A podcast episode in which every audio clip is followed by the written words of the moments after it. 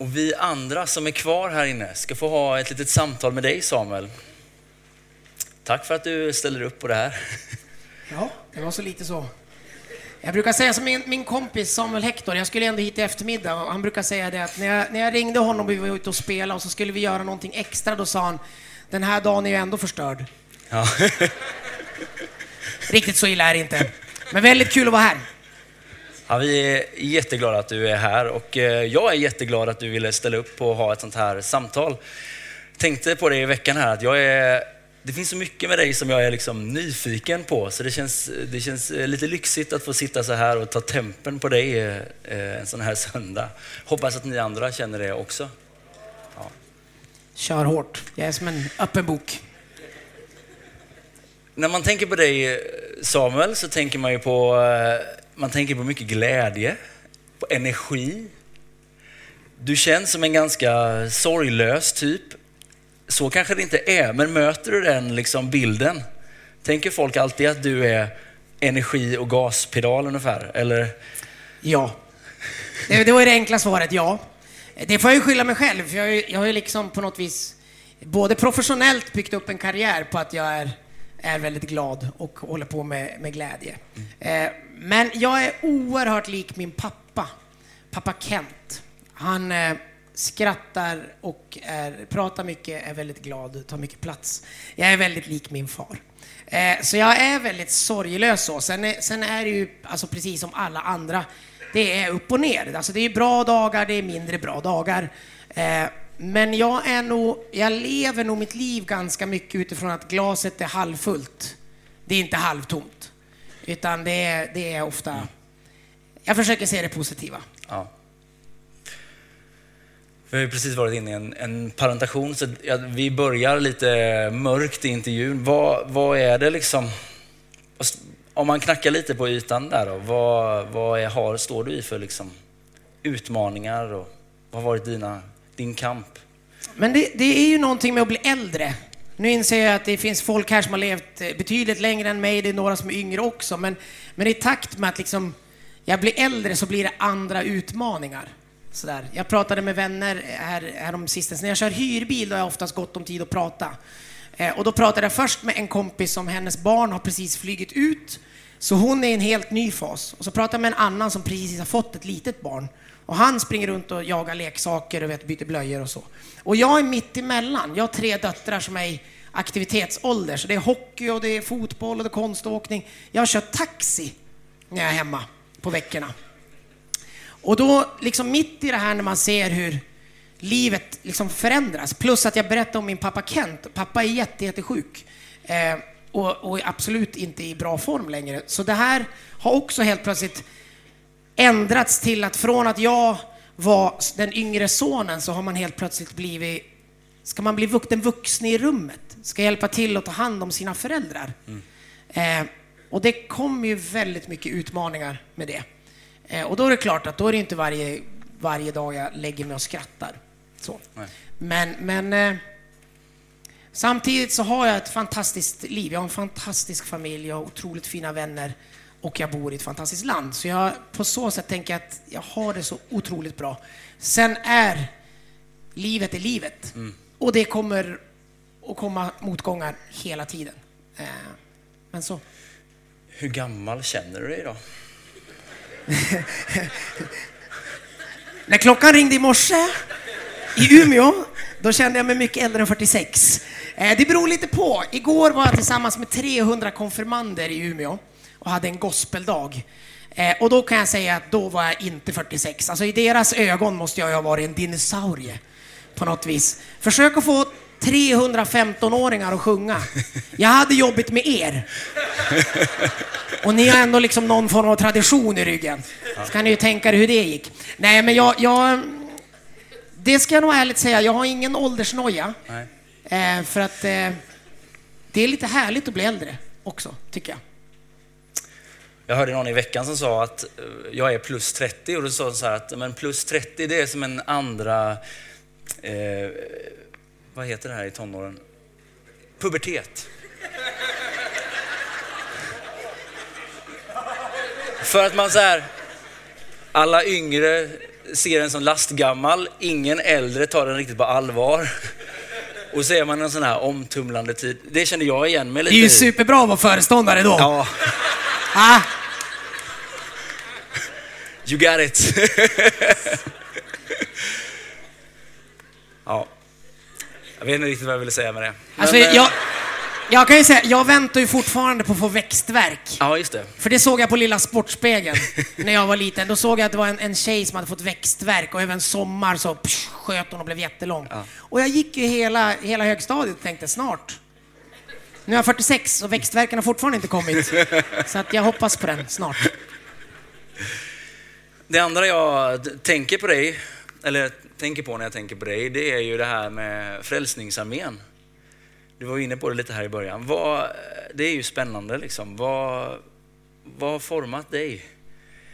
Ja. Hur mycket har det format dig? Det har, form- Nej, men det har format mig jättemycket. Hela min familj är med i Frälsningsarmén. Så jag är uppvuxen i Frälsningsarmén i Umeå. Eh, Jag är uppvuxen i en jättekärleksfull församling. Jag har aldrig fått ett ont ord under hela min uppväxt. Jag har aldrig hört att jag inte var där eller att jag har tagit för mycket plats eller någonting. Jag har bara fått väldigt mycket kärlek. Sen, sen var det otroligt traditionellt och det var mycket si och så, men det var väldigt, väldigt kärleksfullt.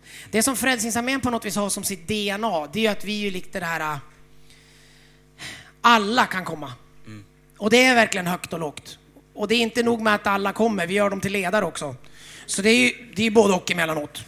Så jag har varit med om, om, om högt och lågt. Men det som på något vis har format mig jättemycket, det är kärlek till människor. Jag tycker att det är det här att ta hand om de som inte har det kanske lika bra som mig själv och så vidare. Det är någonting som jag har med mig. Och min, min familj har alltid varit, mamma, mamma Majken och pappa Kent har alltid haft ett öppet hem. Alla visste vart våra nyckel var i radhuset. Så man kunde ju komma hem och så var det ju någon hemma. Det var ju alltid lika spännande. Så mamma Majken hon bakade bullar och den här bullställningen den stod liksom framme alltid. För vi tömde ju den där eftersom bara. Både vi och folk som kom. Så att det har jag fått med mig. Och här, hur mycket hur har det här liksom sociala format din, din tro på Gud och liksom... Ja, men jag brukar, min, min, min fru är från Småland. Jag, jag äktade ju då en pingstvän från Småland. Ja, hon gjorde ju folk av mig då. eh, men lite så här intressant, när vi blev tillsammans och var ganska unga så, så insåg vi att vi kom från, ganska olika håll. Eh, det här kan vara grovt, ni kan ju, nu kan ni prata mig till rätta efteråt. Men känslan om man ska dra det väldigt grovt när vi träffades var att inom pingströrelsen så har man stark teologi. Ordet är väldigt viktigt, undervisningen. Medan Frälsningsarmén är väldigt mycket människor. Ordet är lite sisådär emellanåt. Det är lite så här äh, minimjölk när det fanns ibland. Ibland är det kött, men det kan också vara lite sisådär för att vi är glada att vi är här. Så att den typen av, eh, alltså på något vis skillnad mellan församlingar kan det vara. Det var liksom viktigt att ja, men nu är vi här och nu kramas vi om och så är vi här och så vad härligt firar vi gudstjänst och det, är- det är ju fint. Och så får man försöka ta. Eh, så det tänker jag lite grann har ja, alltid funnits med. Människor. I kyrksammanhang brukar vi prata om liksom kallelse. Ser du, ser du på ditt liv som att du lever i din kallelse? Vaknar du upp och känner dig som Sveriges soul prince? Alltså jag kan ju säga, nu, det här har ju gått igenom olika. Det började med att jag liksom var eh, ung och radikal i tonåren. Och det var ju 90-talet, då var ju liksom gospel i Stockholm blev en jätteboom. Alla, alltså alla kyrkor hade en gospelkör. Och det var också det unga uttrycket. Det kan man ju inte tro idag kanske. Men det var ju liksom unga människor som höll på med det, för det var ett nytt sätt att uttrycka sig. Och då var jag oerhört radikal och brinnande. Och sen kom jag i, i EB20 där någonstans och skulle starta någon form av artistkarriär och då var det jätteviktigt för mig att sätta ner foten och säga att jag är inte kristen artist, jag är artist som är kristen. Och för det kom ju hela tiden i alla intervjuer som när jag väl fick göra någon. Och det var superviktigt för mig att, att sätta ner foten. Och så tog det en stund och sen så insåg jag, när efter jag hade gjort något form av prinsbröllop, att ja, men jag är ju den här. Ja, men jag är kristen artist. Ja, så är det. Den, här, den här kallelsen, tänker jag, ja, alltså det är ju väldigt stora fina ord också. Det är klart att jag känner att jag har en uppgift. Jag känner att jag har en mening med det jag gör och jag hoppas det. Alltså det är det på något vis. Det, jag brukar skämtsamt säga att jag sjunger faktiskt inte i kyrkan bara för att jag inte får vara någon annanstans. Eh, för jag sjunger även på andra ställen. Ja. Eh, men det finns någonting, om jag om, knyta åter till det du frågade innan, vad jag har tagit med mig. Anledningen att jag håller på, jag började ju med soulmusik först. Det var den första kärleken till musik för mig. Sen gränsar det här över till gospelmusik. För att gospelmusiken hade samma uttryck, men det hade liksom ett budskap som hängde ihop då med den här 16-åriga killen när jag upplevde det första gången. Få ihop liksom tro och liv och musik och så vidare. Eh, hej då! hej då!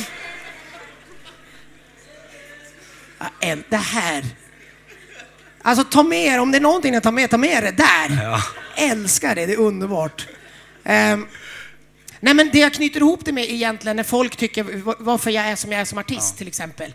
Men därför att allt jag gör är kyrka.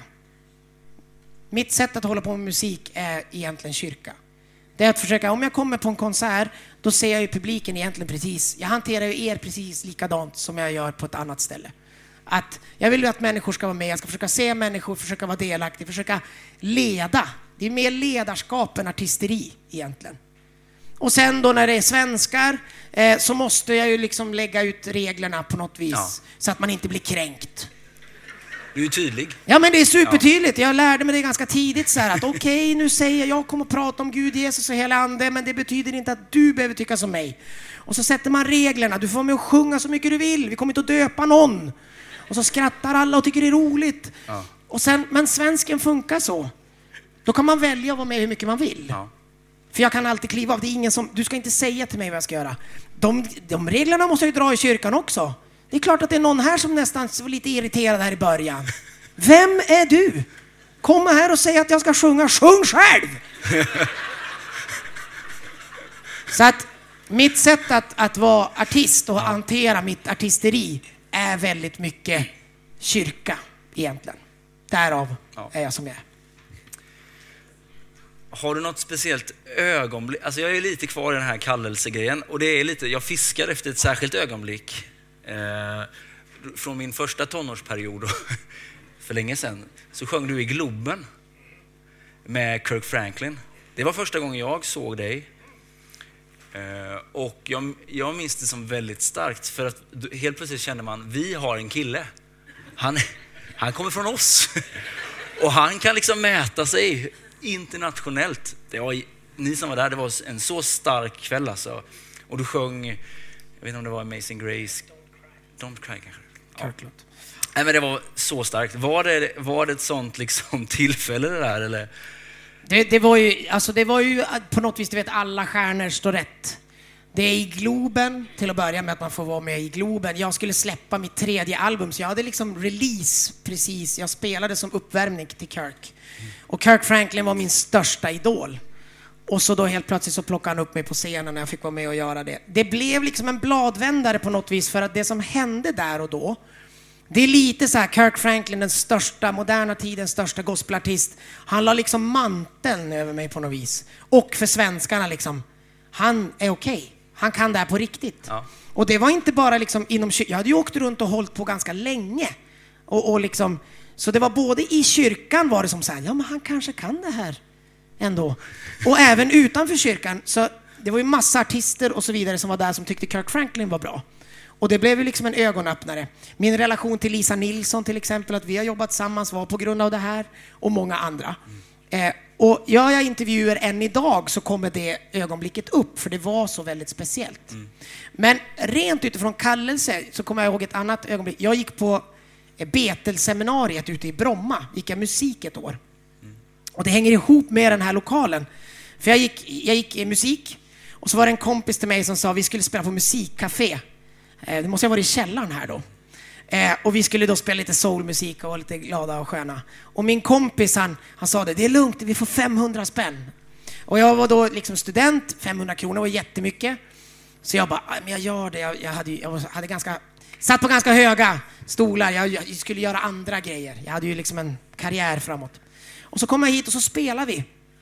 Och så upplevde jag, när jag spelade att jag inte alls tyckte det var så. Det var någonting som inte stämde med hela grejen. Och jag var superirriterad och min fru då som var min flickvän precis, vi hade precis träffats. Vi åkte eh, på pendel och tunnelbana ut till Åkeshov där jag bodde. Och när hon sa hej då så kände jag så här, hon bara, men vad är det? Det var jättebra. Och jag kände bara, det var ju skitdåligt. Kände, märkte du inte det? Det var ju värdelöst. Nej, men alla tyckte det var bra eh, i, i källaren här i Sollentuna pingst. Och så gick jag igenom kolonilotterna bort till folkhögskolan där jag bodde. Och när jag gick eh, mellan kolonilotterna och det var klarblå, eller liksom så här stjärnklart, så gick jag och jag var liksom ganska irriterad. Och tyckte liksom inom mig själv, sa till Gud att nu, du, vad, vad är det frågan om? Här är jag, jag sjöng liksom från mitt hjärta, jag öste ut. Vart var du? Liksom, här är jag, 21, 22 år. Och jag är ingen sån här som hör Guds röst så här supertydligt och inga eldskrifter och så, men det blev så tydligt när Gud sa ja, fast vad hade du för motiv? Så insåg jag, jag, jag hade snabba pengar som motiv. Och när Gud liksom talar till mig och säger att du kan göra vad du vill med din gåva. Du får göra vad du vill med din gåva.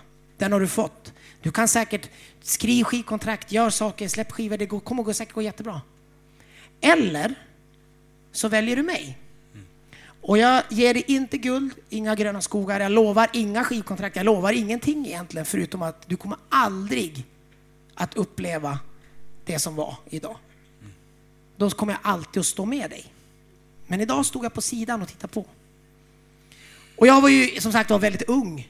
Men det var ett sånt otroligt starkt ögonblick för mig själv. Där jag kände, så där vill jag inte känna. Och då spelar det som ingen roll.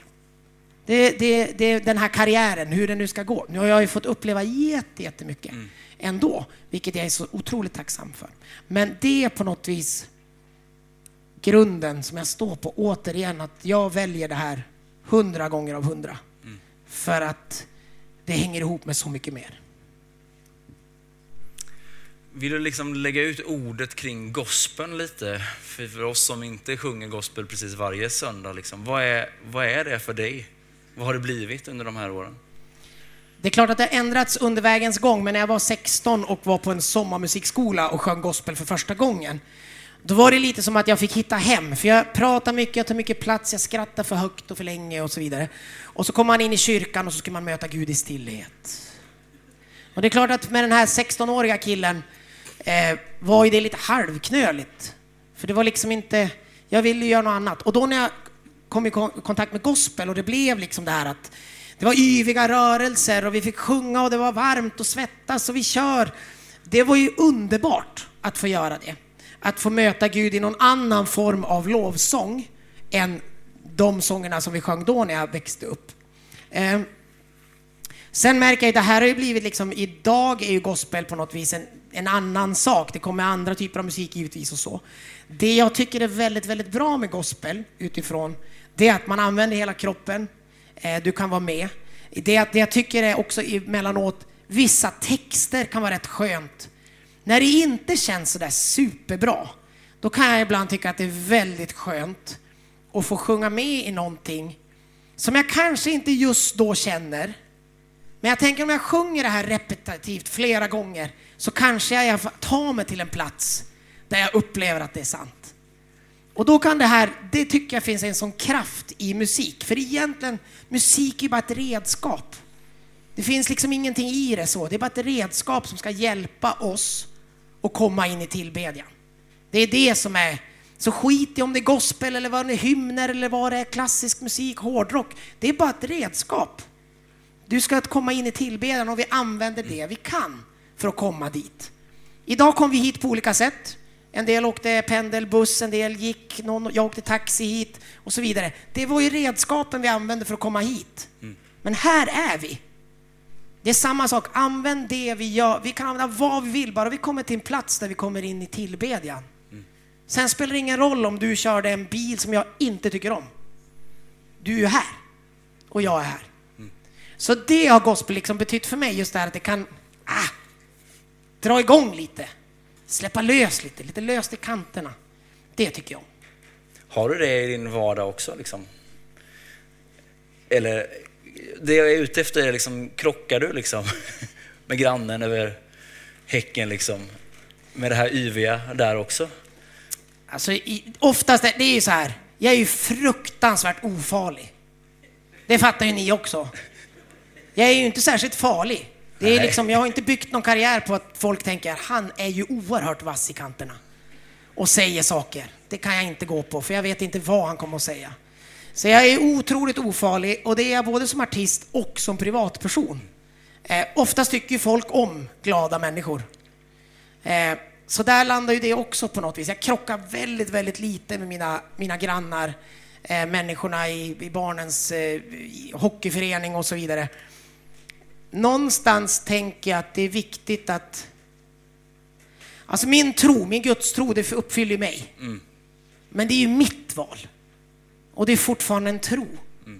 Alltså vad- om någon annan säger till mig, det är ganska skönt att bli gammal, för om någon säger till mig att du är ju dum som tror på det där. Ja, vad synd att du tycker så. Men det gör mig inget, det spelar ingen roll, det är min tro. Och på något vis också den här respekten för andra människor och deras tro och övertygelse.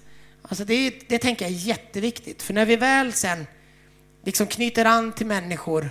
Jag, jag, jag lever också i det här med att större är den som är i mig. Jag tänker att det som jag har i mig, det är det som är stort. Samuel Ljungblad är liksom, ja, men jag är Samuel Ljungblad, jag har det jag har. Jag är bra ibland, jag är sämre ibland. Men det som är i mig är fantastiskt. Och det tänker jag, jag lever i den tron att det också faktiskt känns utanför. Jag hoppas det. Att det är någonting som doftar gott. Även om jag inte gör det alltid. Vad, ehm, du rör dig ju väldigt mycket i olika kyrkliga, kyrkliga sammanhang. Liksom. Om du tänker på kyrkan i Sverige, vad, vad behöver vi? Är svaret mer gospel eller hur formulerar du liksom? Jag förstår ju att DEA tycker att det behövs mer gospel i, i Sverige. Eh, en lätt fråga, ja. För, eh, nej, men jag tänker nog så här att eh, jag ser att vi har ett ganska stort samhällsproblem. Det är inte bara i kyrkan. Kyrkan kan vi uppleva att vi blir äldre och äldre, vi kanske inte har så stor återväxt och det är en oro kring hur ska det bli och så vidare. Eh, vi upplevde det, men det här är ett samhällsproblem. Det syns i idrottsföreningar, det är jättesvårt att få ordning på, få in ideella ledare och så vidare. Kulturinstitutioner sliter jättehårt, Kon- eh, konserthus, hur ska man få yngre publik, eh, yngre musiker och så vidare. Eh, senast igår, 300 konfirmander kommer in i rummet. Om man bara går tillbaks några år när jag var med och gjorde en sån gospeldag, då fanns det fortfarande en relation till att göra någonting tillsammans. Igår hade vi 300 ungdomar som egentligen inte vill vara i samma rum med varandra. Och föräldrarna kom sen på konserten och tyckte det var fantastiskt. För de hade ändå vuxit upp kanske med körer eller någonting, alltså man gör saker tillsammans. Så det här har vi ett superglapp i vårt samhälle, inte bara i kyrkan. Men jag är ju då, för att vara, leva på musik, så tänker jag, musik är jättebra, ja, visst. Men det är skit detsamma om vi inte på riktigt älskar varann. Om inte det här är en plats där alla kan komma. Där alla kan komma. För grejen är det, du är inte bra. Och jag är inte bra. Jag har jättemycket dåliga grejer. Jag tänker jättemycket dumma saker. Jag pratar skit och jag gör massa grejer. Och det gör du med. Kanske andra saker. Men vi är här och enda anledningen att vi är här, det är för att Jesus har dött för dig och Jesus har dött för mig. Så vem är du och vem är jag att säga till folk att de inte får komma hit? Oavsett hudfärg, oavsett vem du älskar och så vidare och så vidare. Du missbrukar, ja visst. Men jag är en skitstövel i grund och botten. Så jag tänker, det är våran grej. Att alla ska kunna, det är Jesus som gör saken, det är Jesus som gör allting. Inte du, inte jag. Oerhört förmätet att tro att jag ska göra någonting. För jag är bara här för att Jesus är god. Så det tänker jag liksom, den dagen det här får bli en plats där alla får komma, där vi tillber tillsammans, där där vi ber för varann, där vi bär varandras bördor, då kommer kyrkan att leva vidare. Sen vilken musik det är, hur vi ser ut, det är skit detsamma. Helt ointressant. Så det kan ni ta med er till nästa församlingsmöte när ni bråkar om någonting.